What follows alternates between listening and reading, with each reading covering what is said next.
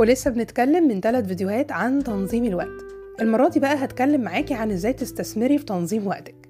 دكاترة كتير جدا في العلاج النفسي والسلوكي كانوا بيناقشوا حاجة اسمها التحيز أو الانحيازات اللي هو من الآخر كده تقعدي تتكلمي تقولي يا كله يبقى أبيض يا كله يكون أسود. إمتى بيحصل ده؟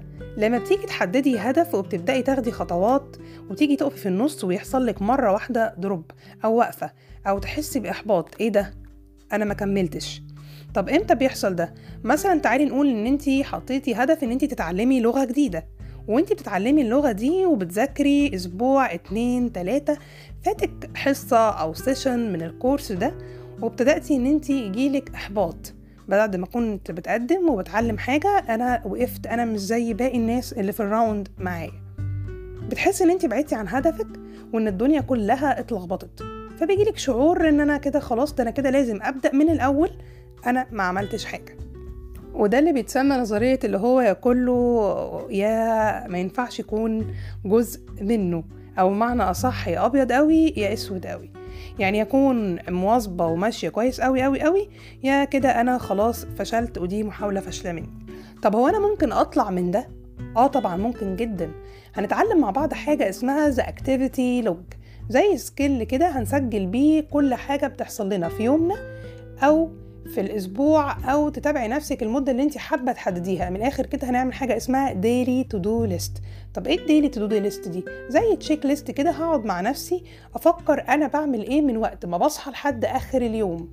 أو بمعنى أصح حاجة تانية أنا بحب أو بحفز إن هي تتعمل إن أنا آجي آخر اليوم أكتب كل حاجة كانت بتحصل.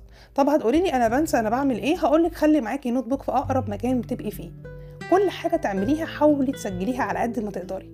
حتى لو كوباية مية أو مكالمة أو دردشة أو scroll على ال social media اكتبي كل حاجة بتتعمل. وبلاش تنتقدي نفسك وتقعدي تفكري أنا بعمل إيه ومش بعمل إيه. اعملي ده وخليه عندك commitment إلزام إن أنا هعمل ده لمدة 3 أيام أو أسبوع. طب وبعد كده؟ هتتفاجئي ان انت برغم ان انت اتعثرتي في النص أو حسيتي باحباط أو ان انت ما كنتيش ماشية قد كده ان انت قد إيه انجزتي جزء كبير وانك عادي جدا انك تكملي على اللي فات مش لازم تبدأي من أول. طب ده هيساعدك ان انت تنظمي نفسك وتنظمي أهدافك ويكون عندك أهداف واضحة وصريحة. الأهداف دي كلها كل ما تكون عندك استعداد ان انت حقيقي مش هتتنازلي عنها. وفعلا أهداف حاسة إن انت هتموتي عليها لو ما عملتيهاش.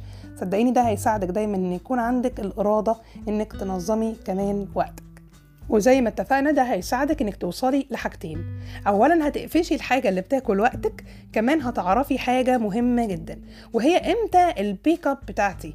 أو من الآخر كده إمتى أكتر وقت بكون في قمة ال energy بتاعتي؟ اللي هي بيسموها peaks of energy أكتر وقت بكون فايقة فيه أكتر وقت بكون أقدر أنجز فيه.